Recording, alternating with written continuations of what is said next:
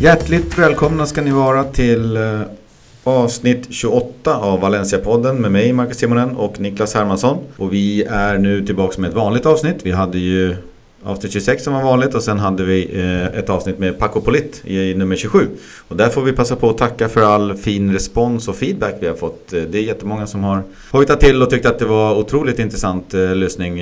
Så att ni som inte ännu har hunnit lyssna på det, gå in och kika på iTunes eller Acast eller svenskafans.com så har ni, vad vart det? En timme, en timmes god lyssning.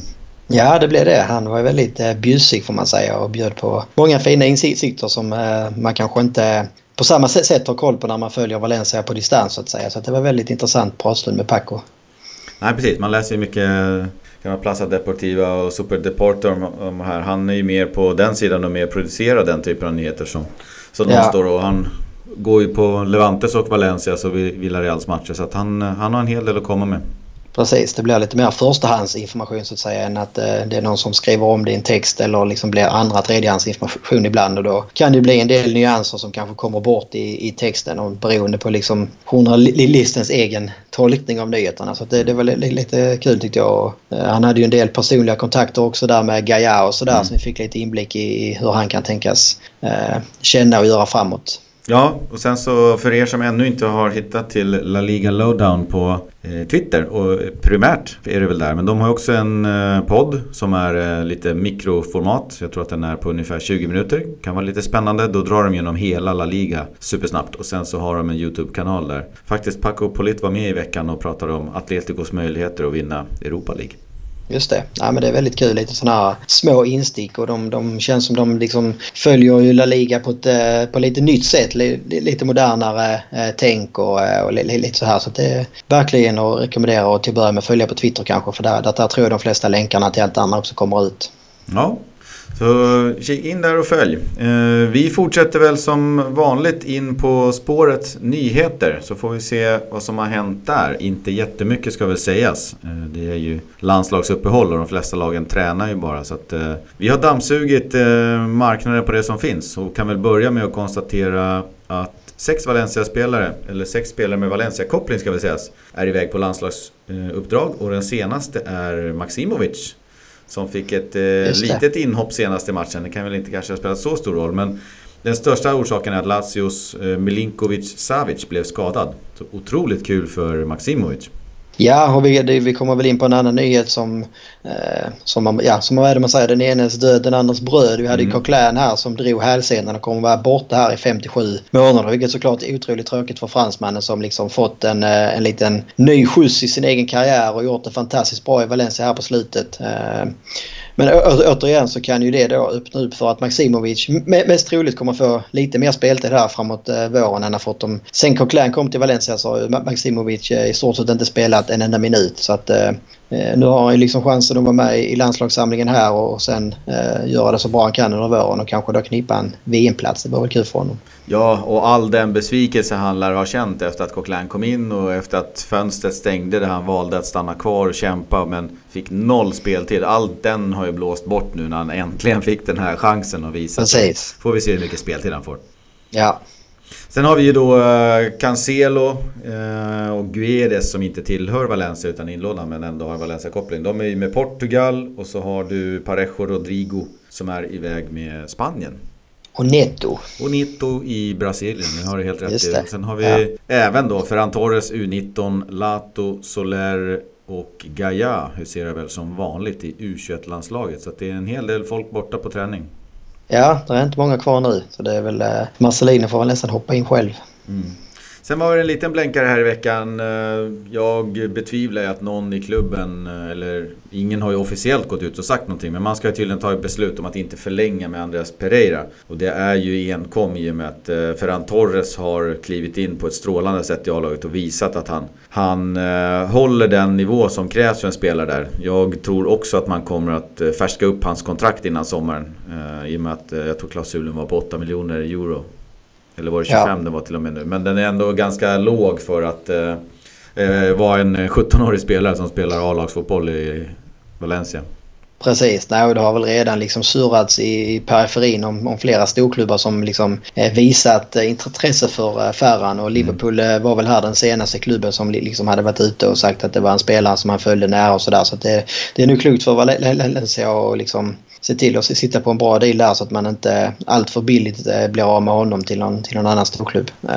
Eh, och med, med, med Andreas Pereira så är det väl... Eh, jag har lite svårt för att eh, han verkar ju, fast han knappt har fått spela på slutet när han var skadad också, så han, han verkar ju trivas oerhört bra i klubben. Man ser liksom bilder från träningen där han skojar och eh, jag såg senast här i veckan nu så hade han ju, jag vet inte om du såg det, han hade ju eh, hos frisören så att säga, hade han ju då mm. snaggat till en eh, fladdermus i nacken. Eh, och det är kanske ingenting som man förväntar sig liksom då att en inlånad spelare som inte lyckats särskilt bra eh, ska li, li, liksom gå ut och göra. Det var ju liksom flörtande med fansen som man kanske mer hade väntat sig från en Santimina eller någon av de här publikfavoriterna mm. om man säger. Så det, ja, det var, var, var, var, verkar som han liksom ändå trivs eh, fast han inte fått till det så som, så som man kanske hade hoppats på planen. Jag tror att det är en ganska härlig grupp ändå. Jag tror att uh, han, eh, han kommer ifrån ett United där det har varit lite annat klimat då. Och då pratar vi inte om vädret då, men i truppen med alla de här tränarna, Louis van Gaal och uh, Ja. Moyes och alla de här. Jag vet inte hur eh, jättekul det var förra året under Mourinho. Så jag tror att han, eh, han upplever säkert en ny vår och en, en eh, vilja av att stanna i, i Spanien och Valencia och känner sig eh, hemma i klubben och i truppen. Ja, Nej, så det är väl eh, alltså rent sportsligt så, så håller jag helt med bedömningen som man då verkar ha gjort att eh, mm. Ferran Torres är, man behåller liksom och ger hellre honom ett bra kontrakt och tar upp honom i A-truppen. Om, om det nu är de här två spelarna som man står och väger mellan. Eh, sen så tror väl inte jag kanske att det är, det, det är kanske helt omöjligt att få en Andreas Pereira billigt i sommar och man liksom kan se att han kanske kan, det är kanske en oslipad diamant som du har fått ett år i klubben, att det kan bli något mer och man kan få in honom billigt som en truppspelare och man, man har sett i år att han trivs och funkar bra i gruppen så Mm. skulle inte jag liksom säga absolut nej tack till honom där heller. Det var lite trist att det aldrig lyfte för honom. För att jag tycker att en, en dålig fotbollsspelare är han ju inte. Det är ingen spelare som gör bort sig sådär. Men man väntar på något sätt, eller hela pricken på it att det ska komma igång. Och det hände aldrig riktigt. Sen vart han ju nu skadad till slut. Så att, mm, vi får se. Det vore kul om han, man nekade honom först och sen så köpte in honom billigt för att Mourinho inte vill ha honom. Precis, lura Mourinho lite där. Ja, nej, en annan spelare som eh, är väl en av få som då är tillbaka i träning höll på sig. Santimina är tillbaka efter sin skada här och eh, tränar nu med laget i veckan och sägs eh, ska vara tillgänglig när man då eh, drar igång mot eh, Leganes här efter landslagsuppehållet i helgen. Så det är ju det är strålande nyheter att få tillbaka en Santimina som innan sin skada här eh, var i en fantastisk form och öste in mål. Eh, och det har väl ändå gått hyfsat fort känns det som. Ja, det är kul att han nu får eh, vad är det, en och en halv veckas träning också med laget med boll. Precis. Så att han inte springer omkring och bara tränar en halv vecka och sen ska han göra inhopp. Utan nu får han Nej. tid på sig. Ja, men det känns som en bra timing för honom att liksom kunna i lugn och ro här när det inte är så mycket folk på träningarna kunna liksom eh, trappa upp efterhand och sen vara helt eh, fit for fight när, det, när de andra kommer tillbaka i slutet av kommande vecka. Mm. Men det blir intressant att se. Han, nu har vi sett där att Rodrigo och Sasa har ju liksom börjat göra mål och börjat mer och mer hitta rätt i sina, sitt kombinationsspel. Ehm, men det är klart, men, men, men här en Santimina som ska hitta helt och hållet tillbaka i, i form från skada. Det kanske nöjer sig med att vara den här supersub som han var under hösten också. Ja, det spetsar ju till saker och ting. Och om nu Santimina är katten så har ju råttorna dansat på bordet medan han var borta. Ehm, ja, precis. Det funkar riktigt bra i hans frånvaro. Så att, uh, han, ur den aspekten så, så saknar man inte han som, som, och hans mål. Men det blir Nej. ju oerhört spännande att se när, när man lägger till han i mixen. Och eh, framförallt skulle jag väl också vilja säga att det blev ett helt annat alternativ här på bänken mm. än, än, äh, än Vieto. Nu fick han hoppa in sist också och fick ju ändå hyfsat med speltid. Men, och man satt ju liksom och tänkte att ja, men det kanske är en sån här eftermiddag när liksom, eh, allting funkar för Valencia och allt det här negativa liksom kan blåsas bort. Och även Vieto får hoppa in och göra ett bra inhopp och kanske göra mål. Men det tog ungefär två minuter och sen så undrar man ju om han hade gått av igen för att han var ju totalt osynlig återigen. Eh, så det, det är skönt att kunna ha ett alternativ på bänken och slänga in. Eh, kanske då framförallt i de matcherna där Sasa eller Rodrigo kör fast så att säga och man mm. behöver få in en ny frisk fläkt och man, man vet ju alltid vad man får av eh, Santimina. Det är ju liksom ett hårt jobb och en anfallare som alltid löper och liksom stör försvararna. Så det är ju i mina ögon, och det har jag ju sagt eh, kanske hundra gånger denna säsongen på något sätt, så är ju Santimina ju en perfekt inhoppare i min bok. Sen så har han gjort det väldigt bra på slutet också när han har fått starta så att det, han är ju inte bara en bra inhoppare.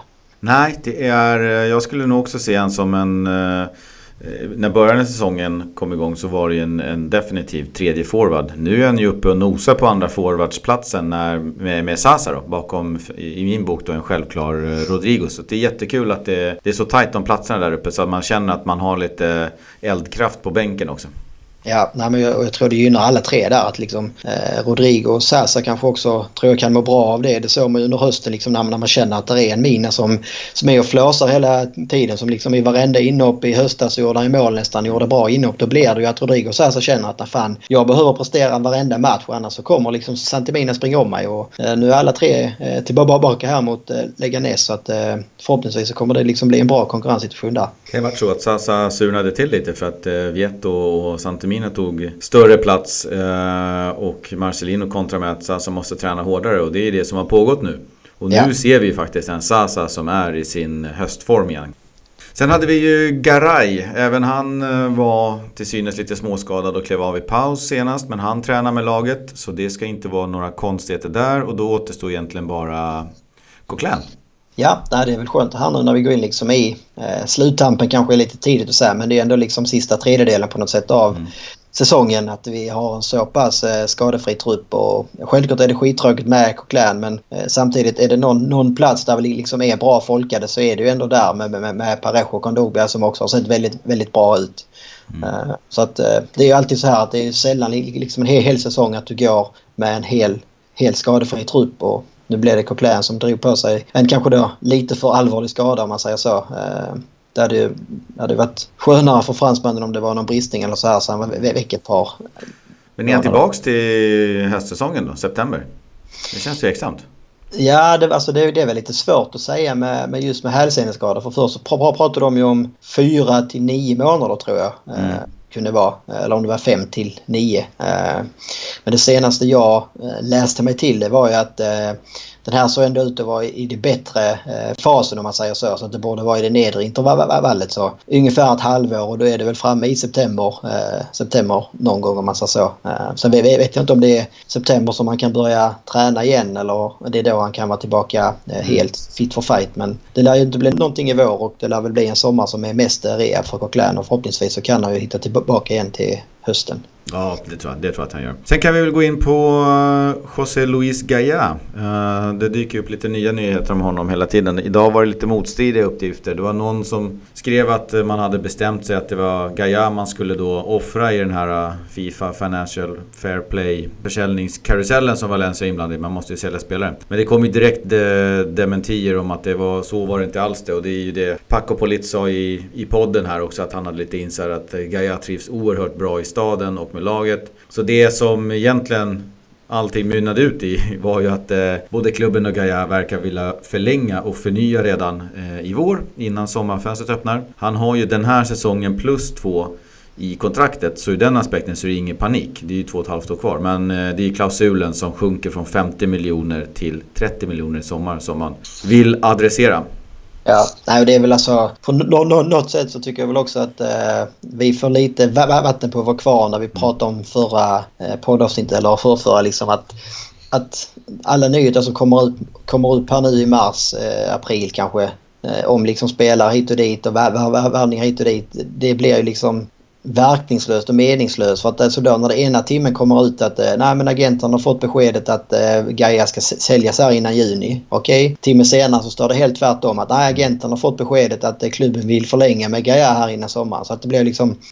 Det är liksom åt helt olika riktningar och det var ändå... Det var liksom inte så att de källorna jag såg som, som, som liksom twittrade ut det här det var liksom inga helt okända källor. Så det, det, jag vet inte. För min del så blir det liksom tydligt att, att försöka spekulera om spelare här nu i mars på det här sättet. Alltså, absolut kan man spekulera till exempel om Parera och det här att eh, klubben kanske redan nu har tagit beslut om att, nej, man, vad man inte ska göra så att säga. Och vet och samma sak.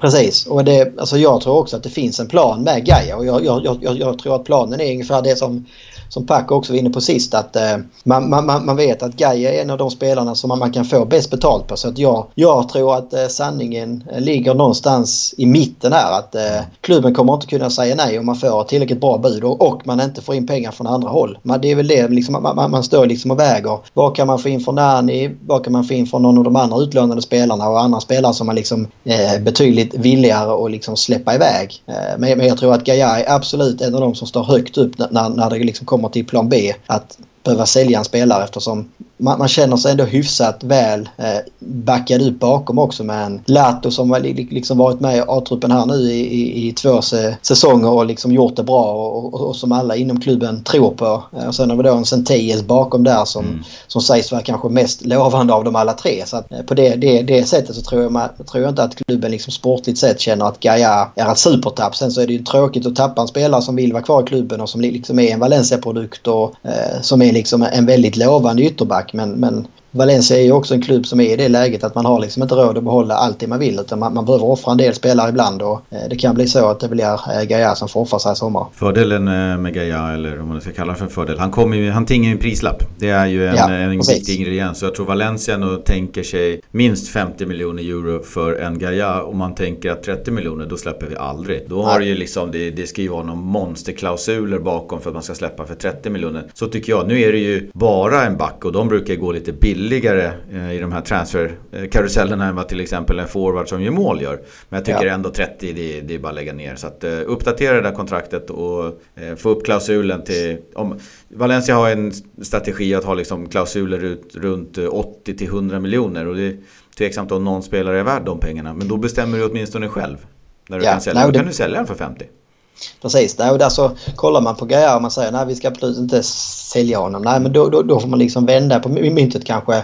De, de spelarna som kanske är hetast och får sålt till liksom bra prislappar. Då pratar vi om Gaia, vi pratar kanske om Solea, vi pratar kanske om Rodrigo som har kanske de tre högsta prislapparna. Eh, och vill du då hellre släppa en Carlos Soler eller en Rodrigo? Ja, jag vet inte. Alltså, i, min, I min bok i alla fall så tror jag att Carlos Soler har högre potential att utvecklas de närmaste åren än vad Gaia har. Det känns som Gaia är närmare sin topp idag än vad Soler har. Eh, så att på det sättet så behåller jag hellre en Soler och ser liksom att han kan få växa in i A-truppen och ha sina bästa säsonger här framför sig nu. Och kanske om man nu någon gång ska sälja honom så är det kanske till en prissläpp som är tre, fyra gånger högre om ett, två år. Eh, och ersätta en Rodrigo längst fram på topp. Ja men det är som du säger, så ska man hitta en anfallare som är så pass komplett som Rodrigo är som gör mål och som liksom har de här ledaregenskaperna. Ja, det är inte billigt. Alltså det, det, det är betydligt billigare att ersätta en vänsterback eller eh, eh någon annan spelare än ersätta en anfallare som, som Rodrigo. Mm. Så är det. Vi eh, hoppas att Gaia förlänger och att han blir kvar. Men Cancelo är en annan eh, Valencia-tillhörighet som eh, gör stor succé i Inter där han numera är ordinarie. Han kom tillbaks på ett bra sätt från skadan. Han eh, spelar ju som vi nämnde i Portugals A-landslag. Eh, Inter vill köpa spelaren till den fastsatta klausulen på cirka 35 miljoner euro. Detta ska ske innan 31 maj i år enligt det kontraktet som han har skrivit med Valencia. Annars så återgår han till att bli en Valencia-spelare. Men där blir det lite problem. För Inter har nämligen eh, samma problem som Valencia med Fifa Financial Play. Och de har ju sitt år från sista juni till sista juni. Så om man köper Cancelo innan den sista juni då ingår ju han i det här årets Fifa Financial Play. Medan det. det kanske då skulle vara mer attraktivt för Inter att köpa honom efter Fifa Financial Fair Play eh, året tar slut. Alltså i juli ja. till exempel. Där har man även då eh, pratat med Valencia om att erbjuda Valencia samma sak. Att man inte behöver köpa Kondogbia innan. Utan man kan köpa honom också i juli och det skulle ju lätta kanske lite grann på Valencias budget då. Så vi får se var man landar där. Båda klubbarna är i alla fall väldigt, väldigt eh, klara på att de vill köpa respektive inlånade spelare. Så det kan bli lite kul att följa.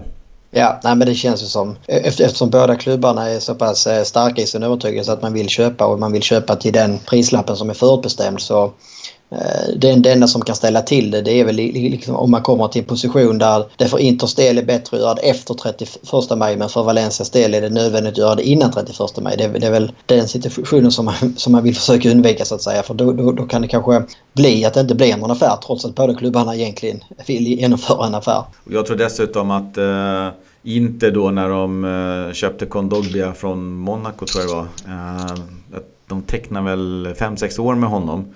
Och har en bra amorteringsryggsäck att bära fortfarande för det, det köpet så att säga. Så de har ju De har inte blivit av med den grejen än. Nu var det inte jättemycket pengar. undrar om det inte var en 30-35 miljoner euro. Men de, eh, de har lite att brottas med. Ligger i en liknande position som eh, Valencia. Så att, vi får se vad som händer. Och ja. Ingenting lär ju ske från Valencias håll innan Champions League-platsen är helt säkrad. Men när det väl är det så kan det nog börja sippra ut en väldig massa information om den här affären om inte annat.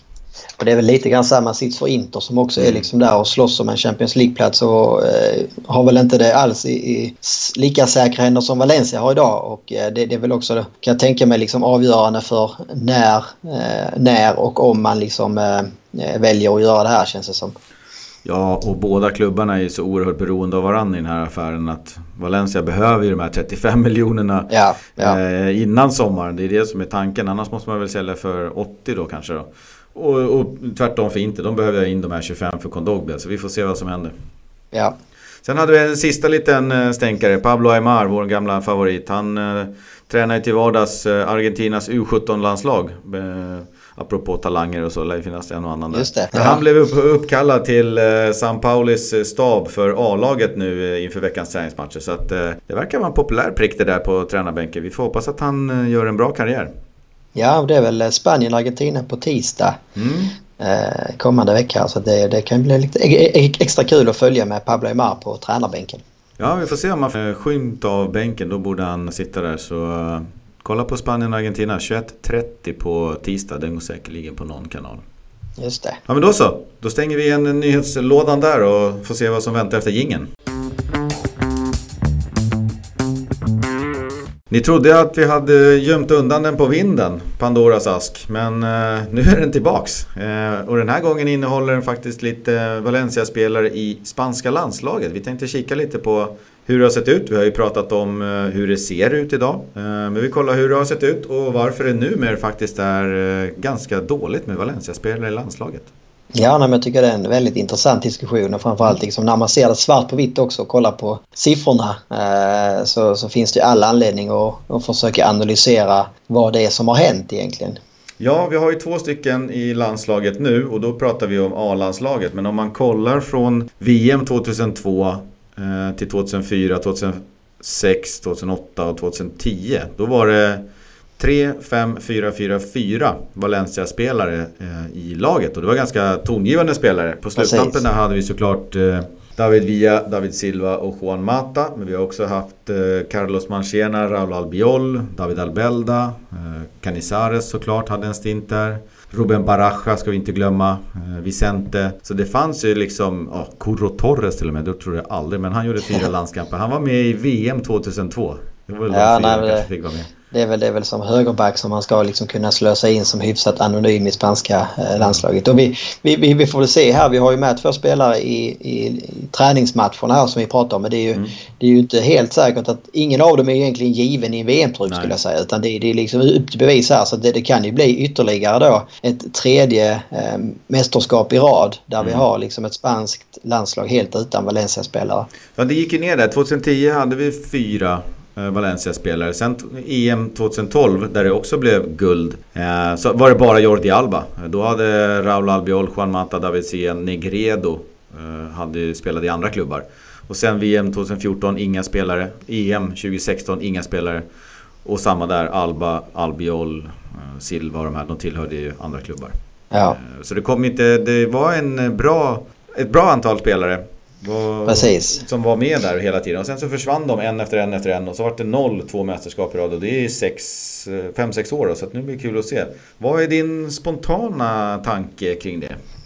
Den spontana tanken är väl att det hänger ihop på två olika delar ska jag säga. Så den ena delen är ju eh, den mest uppenbara skulle jag säga. Det kollar man liksom på åren 2002 till 2006, 7, 8 där. Eh, när, när man liksom snittar 4-5 i varje mästerskap då hade ju Valencia också ett väldigt starkt lag. Man var alltid med i topp tre i ligan. Man, man, man, man knep ligaguld, man vann liksom Uefa-cupen. Eh, men går, går, går ens klubblag sportsligt bra så är det alltid enklare att utmärka sig och man syns på ett annat sätt. Eh, kollar man de, de senaste åren här när vi haft då inga alls och kanske då en som då eh, senast där 2012 så hänger det ihop med hela debaclet som liksom klubben rent sportsligt har upplevt. Och då, menar, går, går klubben dåligt så är det också svårare att utmärka sig och liksom knipa den här platsen för vi har haft liksom, som vi ser en Danny Parejo som eh, och, och Rodrigo som ändå varit i, i laget i, i flera år men de har liksom inte ja, de har ju inte ens varit nära skulle jag egentligen vilja säga och, och, komma med i någon EM eller VM-trupp. Eh, eh, men nu liksom när, när, när, laget går bättre eh, så, så får ju de också ut mer av sin potential på något sätt.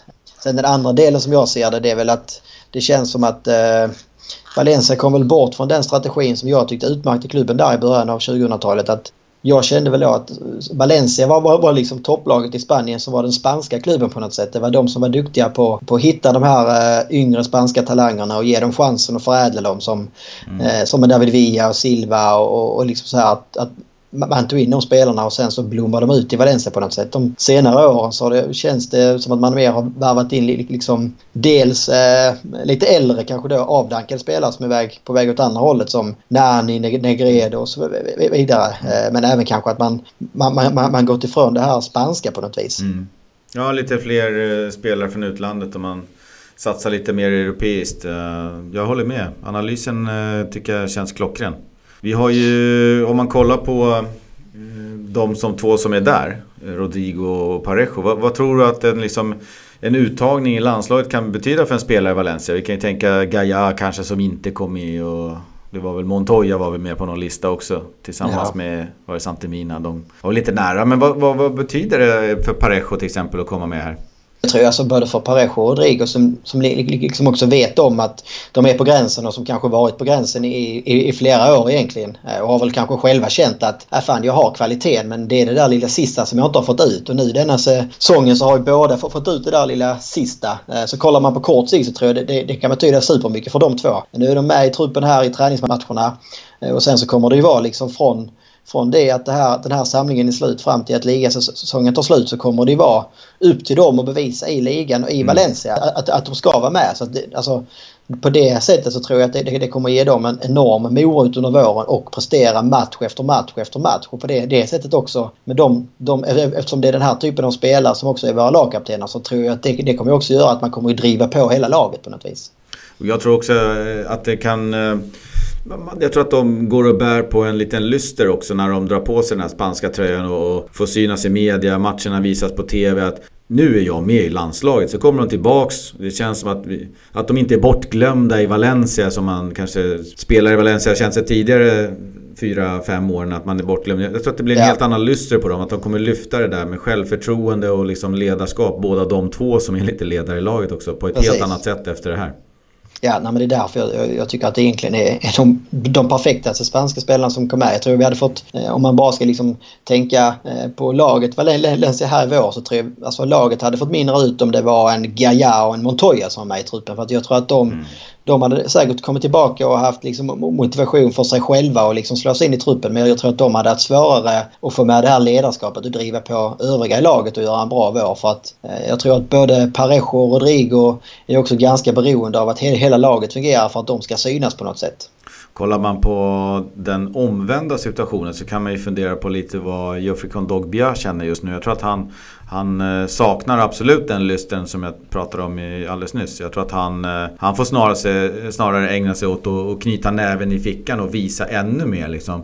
Men, men han har inte ja. den här... Jag tror inte han har den här extra boosten från en landslagsuttagning som jag tror både Rodrigo och Parejo kommer ha under våren. Sen kan det gå lika bra i slutändan för båda, vilket vi hoppas att Kodobia hanterar det på rätt sätt. Men jag tror att det är lite, lite mer motvind att missa så ja. nära när man ändå känner att man hade en plats där.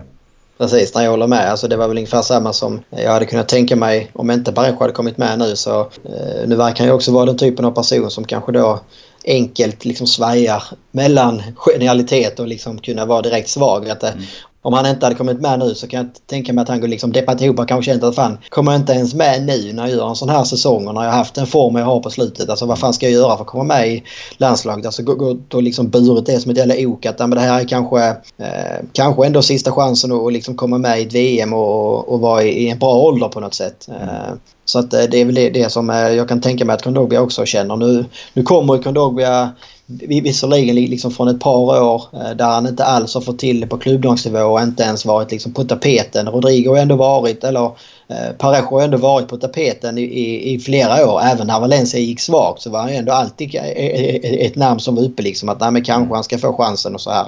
Det kändes som att han missade i sista katten varje landslagstrupputtagning. Ja, ja.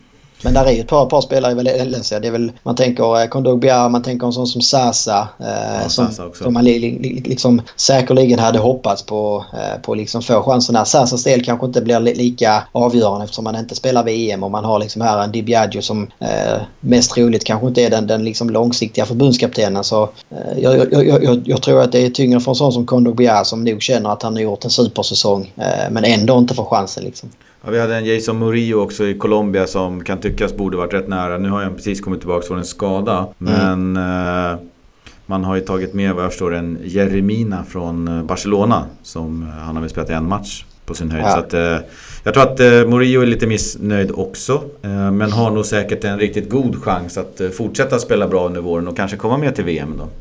Sen tror jag väl heller inte man liksom ska underskatta just när det är en sån här eh, VM-sommar att eh, den faktorn, det är liksom att förbundskaptenen eh, Alltså de spelarna som har varit med i kvalet och tagit landslaget till ett VM Mm. Alltså de, de skulle jag väl säga ligger väl ofta liksom före kön bara på det. Så att för, för att du liksom ska slå dig in i trupp och peta en av dem så behöver du var så mycket bättre. Alltså det, det är betydligt enklare att peta till exempel en Parejo som inte spelat en enda VM-kvalmatch mm. än det mm. kanske är att peta en annan inomhutfältare.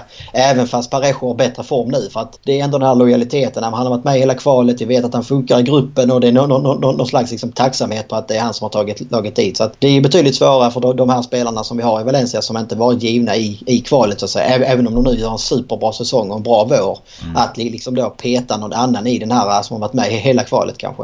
Mm.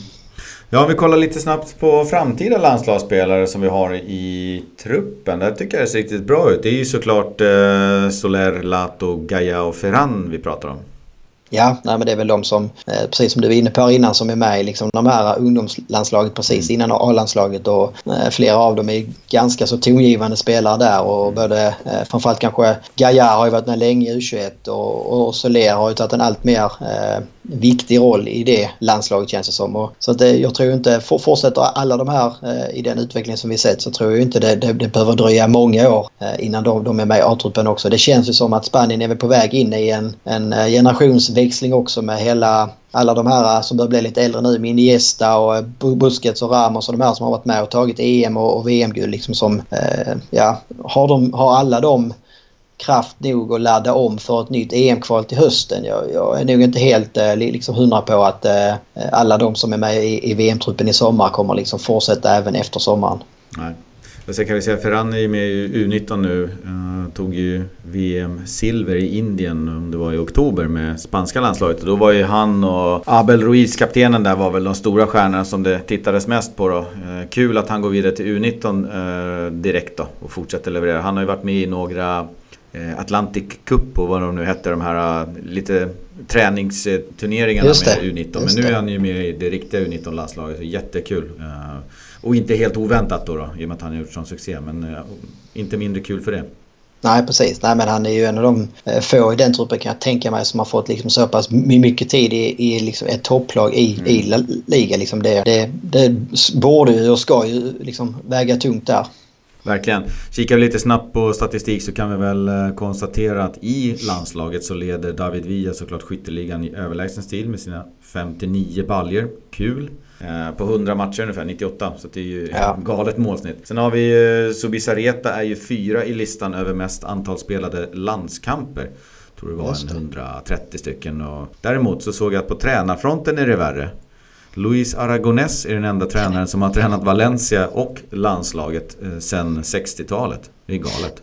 Ja, det säger väl en del också om de, de tränarna som man haft där de sista, sista åren om man säger så. Eh, och men kollar man de, de tränarna som varit framgångsrika i Valencia de sista 25 åren så är det kanske då Benitez, Cooper och Ranieri och... Eh, det är andra de, länder. Precis och Benitez har väl liksom aldrig eh, varit intresserad kanske och kanske inte känns inte som den, någon landslagstränare heller skulle jag vilja säga. Nej, Pellegrino var inne en stund också och eh, så vet jag inte hur det är med Ronald Koeman. Nej. Har inte alla de där tränat Holland i någon stint? Det känns lite så. Eh, det som är kul med David Villa det är väl att man kan liksom ändå säga att det var ju liksom i Valencia som han faktiskt blev en landslagsspelare. Eh, mm, Sen gick ju han eh, vidare och liksom fortsatte ju och toppade karriären kanske under sin tid i Barca och även sen i Atletico där han vann titlar. Men det var ju liksom ändå i Valencia som han gick liksom från att vara liksom den här kanske lite mer valpiga anfallare till att bli en komplett världsanfallare och liksom given i det spanska landslaget. Och den liksom tronarvingen e- e- efter då en sån legend som Raúl med nummer sju i, i spanska landslaget och slog hans målrekord och allting sånt. Så att det är ju eh, verkligen en fjäder i hatten för Valencia när det gäller spanska landslaget skulle jag vilja säga. Ja det kan jag tycka. Eh, vi tar väl och börjar slå på locket på asken här men eh, ett tips till alla det är att följa de eh, sex spelarna som faktiskt är ute och spelar landskamper i, med Valencia-koppling då. Eh, ni kan se alla matcherna på Svenska fans har jag skrivit en artikel om det där. Då ser man matcher och tider och sen en liten text kring vilka chanser jag tror att de har för att spela. Men det kan vara kul att följa. Jag menar, en framgång i landslaget för Guedes gör några baljer, Cancelo täcker igen, Maximovic kanske får en start. Det vore otroligt men kul. Moreno gör några baljer och Parejo får spela. Jag menar, det skulle vara superviktigt för laget. Absolut, Nej, men det, det, det, jag, jag, tror det är också sådana smågrejer som kan göra liksom att en spelare tar nästa språng i sin karriär på mm. något sätt. Uh, att man liksom känner att nu fick man en, en bra sommar i ett uh, landslag här och man är med om någon framgång i ett VM eller man liksom får känna på den stora scenen och så vidare. Och, mm. Så att det, och det blir också på lite längre sikt blir det spännande att följa Valencia nu framåt här och man kan liksom vända tillbaka den här trenden. Då har man liksom gått från 4-5 och varit nere på botten på noll och nu kanske vi då får 1-2 här och att det nu liksom, vi ser att det byggs ut här varje, varje år framåt så att vi om två, tre år kanske är, är vi där igen att vi har en fyra, fem bofasta spelare i spanska landslaget. Det blir lite roligare att kolla på spanska landslaget också när de spelar eh, de här stora turneringarna. Det finns lite Valencia-spelare med. Ja, och slippa det här tiki-taka hela tiden. Ja, det, det är jag trött på nu. Ja. ja, men då så. Vi tar en eh, jingel på det. Yes.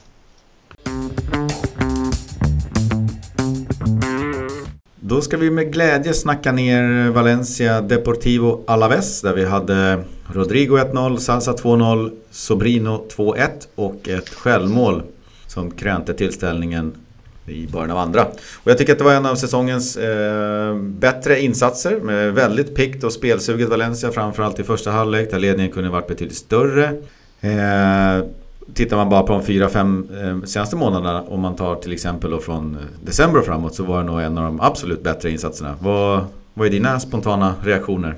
Nej, jag håller helt med. Det var väl egentligen alltså första kvarten kändes det lite så här trevande och Alaves eh, kändes så där luriga som de var i koppan eh, i januari mm. där. Eh, men, men efter för, första kvarten när man väl liksom eh, får igång maskineriet som kanske var li, lite segt där. Man varit ute och firat eh, Fejas under dagarna eller någonting. Men eh, sen så var det ju verkligen, alltså det kändes ju genom tv-rutan att det var grym stämning på Mestalla och det brukade alltid vara den här Fajas-helgen så att säga. Att det är lite extra feststämning i stan och det tar man med sig in på arenan. Och det kändes liksom som spelarna bars fram av det här. Och eh, när man väl liksom får igång det efter kvarten och, och, och gör Rodrigo Sasa eh, fina kombinationer fram till 1-0 där och sen så är det ju en kavalkad på något sätt av Valencia tycker jag. Med fina anfall det ena efter det andra. Det är kombinationer, eh, det är liksom är löpningar hela tiden. Det är spelare som vill ha bollen och som hela tiden vill göra no no no någonting med, med, med den och gör varandra eh, bättre på något sätt. Så det var, det var väldigt roligt att se eh, Valencia faktiskt. Viktigt med den insatsen när vi hade en hel del skandinaver på plats med Che Scandinavia också också.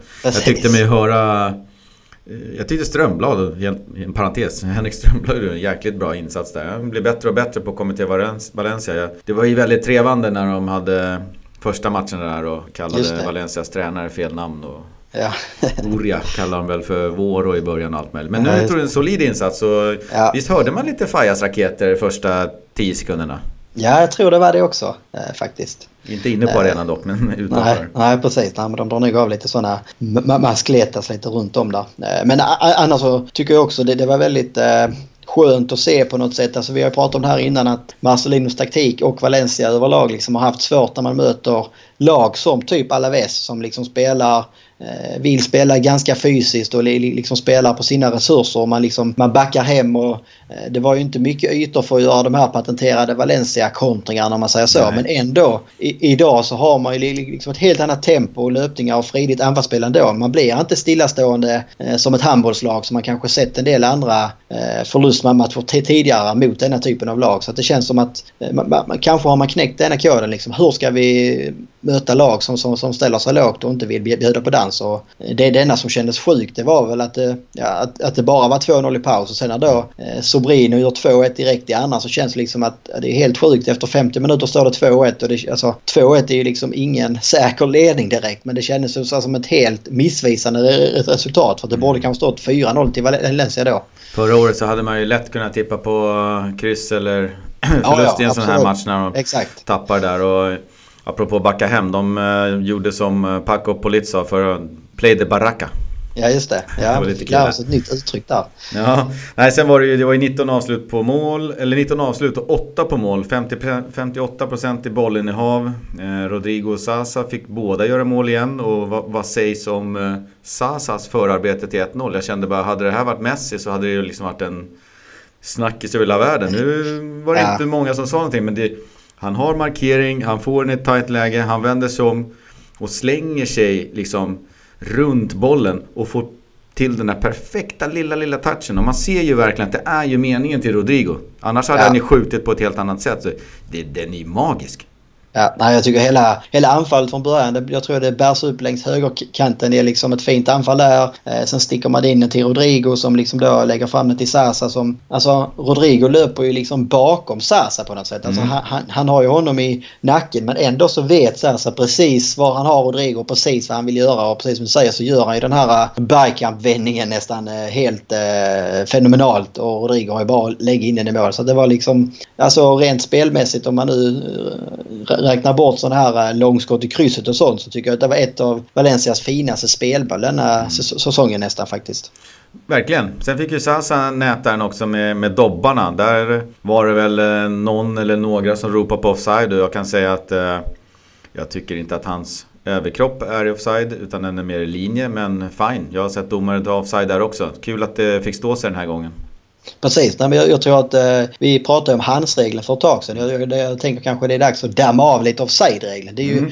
det är alltså inte offside om du har armen i offside-läge. Och de reprisbilderna jag har sett så ser det ut som att Sasa har liksom en utsträckt arm framåt och det, mm. den är såklart i offside. Eh, men, men hans kropp är inte i offside så att säga och då ska han heller inte vinka. Sen om det är det som linjemannen ser eller inte det vet jag inte för det går ju liksom hyfsat fort också om man säger så. Eh, men jag, jag, alltså jag har inte sett en enda bild, reprisbild liksom i slow motion eller när de stannar stannade där jag kan säga att SAS är offside. Eh, sen så är den jävligt tight. Eh, det, det, det, kan man väl absolut hålla med om. Men där är också eh, en helt sjuk grej som också försvann li, lite grann i, i hela euforin på att det var, var, var så bra. Det, det är den här straffen. Jag vet inte mm. om det är är det Guedes eller är det... Vem är det som är framme där? Är det Soler som... Ja, Soler det, kan det nog vara som målvakten tar ju... Ja, Soler precis. Fick inga bra reprisbilder på den kände jag riktigt. Nej, alltså jag fattar inte det. För att alltså, det är ett skott, målvakten släpper en tafflig retur. Soler, om det nu är han, jag för mig att det var han, eh, petar bollen och blir liksom helt kapad av eh, målvaktens händer. Eh, och domaren menar på att Soler filmar eller söker den liksom så här. Men alltså, i det fallet spelar det ingen roll om han söker den eller inte för att han petar bollen och målvakten kommer och kapar. Alltså den är, det, det finns liksom 0% i min bok som säger att det inte ska vara straff. Jag, jag, jag kan verkligen inte förstå det. Nej, det var ingen, inget snack om den heller. Utan det var liksom, det är en straffsituation, låt oss kolla. Ah, han ramlar, han verkar ta bollen, målet verkar vara på men det fanns liksom ingen, inga sådana här bevisbörda var... ur kameravinkeln som verkligen liksom fastställde. Men jag tyckte också det var straff. Det var väl alltså på ett sätt var det också skönt att det blir liksom aldrig... Det blev väl också därför som det kanske liksom tonades ner efteråt. Mm. För det blev liksom en bra match. Man ville kanske lägga fokus på, på de sakerna istället. Och det, det blev inte avgörande att man, man hade fått straffen och gjort mål kanske. Men, men det, det är enkelt att, att, glömma bort tycker jag. För att man läser en del att ah, nu hade Valencia återigen flytt med domaren Sasa gjorde offside-mål och så här. Och, eh, det är liksom, då, då, då, då, får man ju liksom visa hela bilden. Att där är, där är en straff som är i min bok 100% straff. Och där är ett offside-mål som i min bok är Alltså om, om man inte ens på reprisbilderna kan säga med säkerhet att det är offside eller inte. Då, då, då, då tycker jag att de, de ska fria också faktiskt. Ja, jag kan hålla med där. Och vad hade vi annars för, eh, stjärnor i matchen om du får dela ut en tre stycken eh, guldstjärnor? Ja, jag tycker alltså det är ändå kul att se eh, Rodrigo och Sasa igen. Eh, Sasa liksom eh, kommer mer och mer eh, tillbaka i den höstformen på något sätt. Med, inte bara för att han gör mål igen utan hela hans, eh, jag vet inte, hela hans kroppsspråk på något sätt eh, skickar helt andra signaler nu än, än bara för några ve ve ve veckor sedan. När det mm. mest kändes som att han sprang runt och var frustrerad och liksom fokuserade på helt fel saker.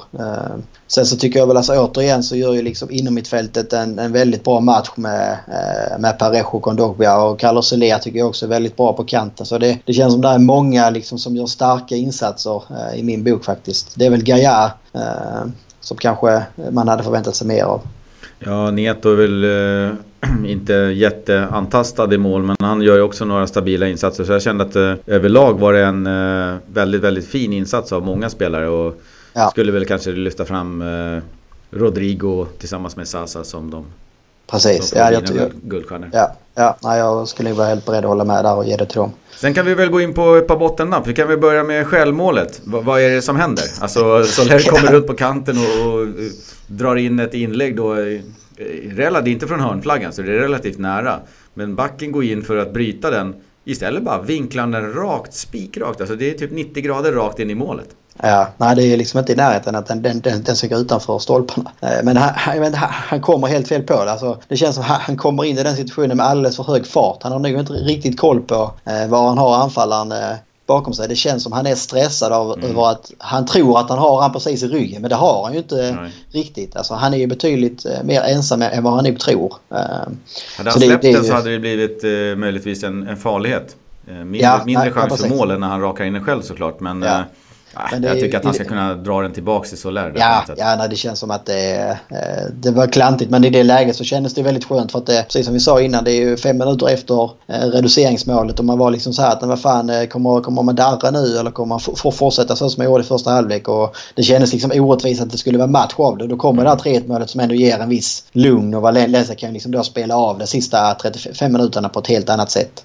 Det tackar vi för. Samtidigt så ska vi väl nämna vår eh, goda vän tänkte jag säga, men våran eh, ivrigaste integratör med oss som mejlar och, och sådär ibland. Eh, Lasse från Halmstad. Han tyckte att vi skulle ta upp eh, Gajas brutala feltimning.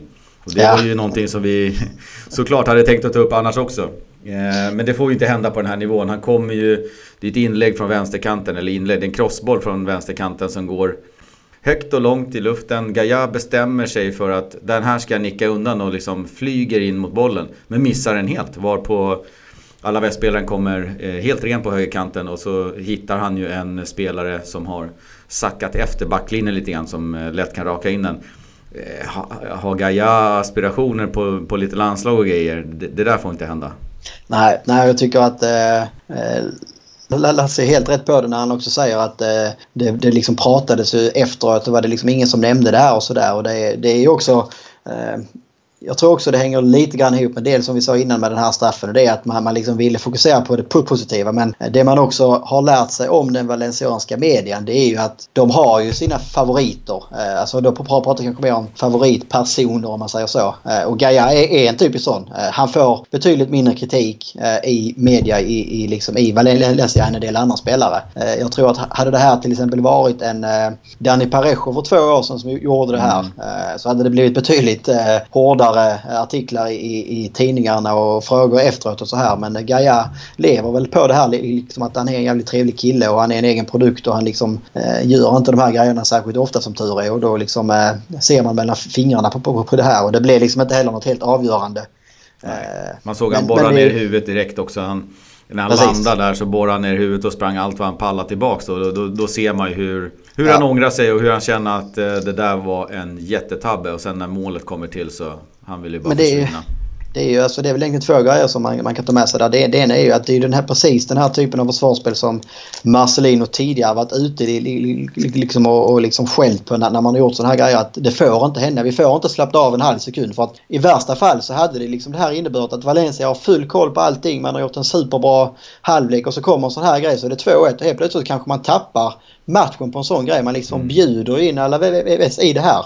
Eh, och sen det andra är väl egentligen att eh, Alltså det är väl mest för Gaias egen del, precis som mm. du säger, så tror jag väl att Gaia har säkerligen varit liksom nedpräntad eh, på en, på en VM-trupp i liksom en större bruttotrupp. Eh, men ligger liksom på gränsen och, och, och, och kunna vara den, den ena vänsterbacken i truppen eller inte och det, liksom, det, det, det kommer en sån här grej. Uh, ja, du, du, du stärker inte din aktie direkt. Verkligen inte. Det hoppas att han gör som en uh, hockeymålvakt uh, för kan det vara tiotal år sedan sa att det där ska inte jag glömma utan den där tavlan hänger jag upp på väggen så ska jag titta på den varje dag och lära mig någonting.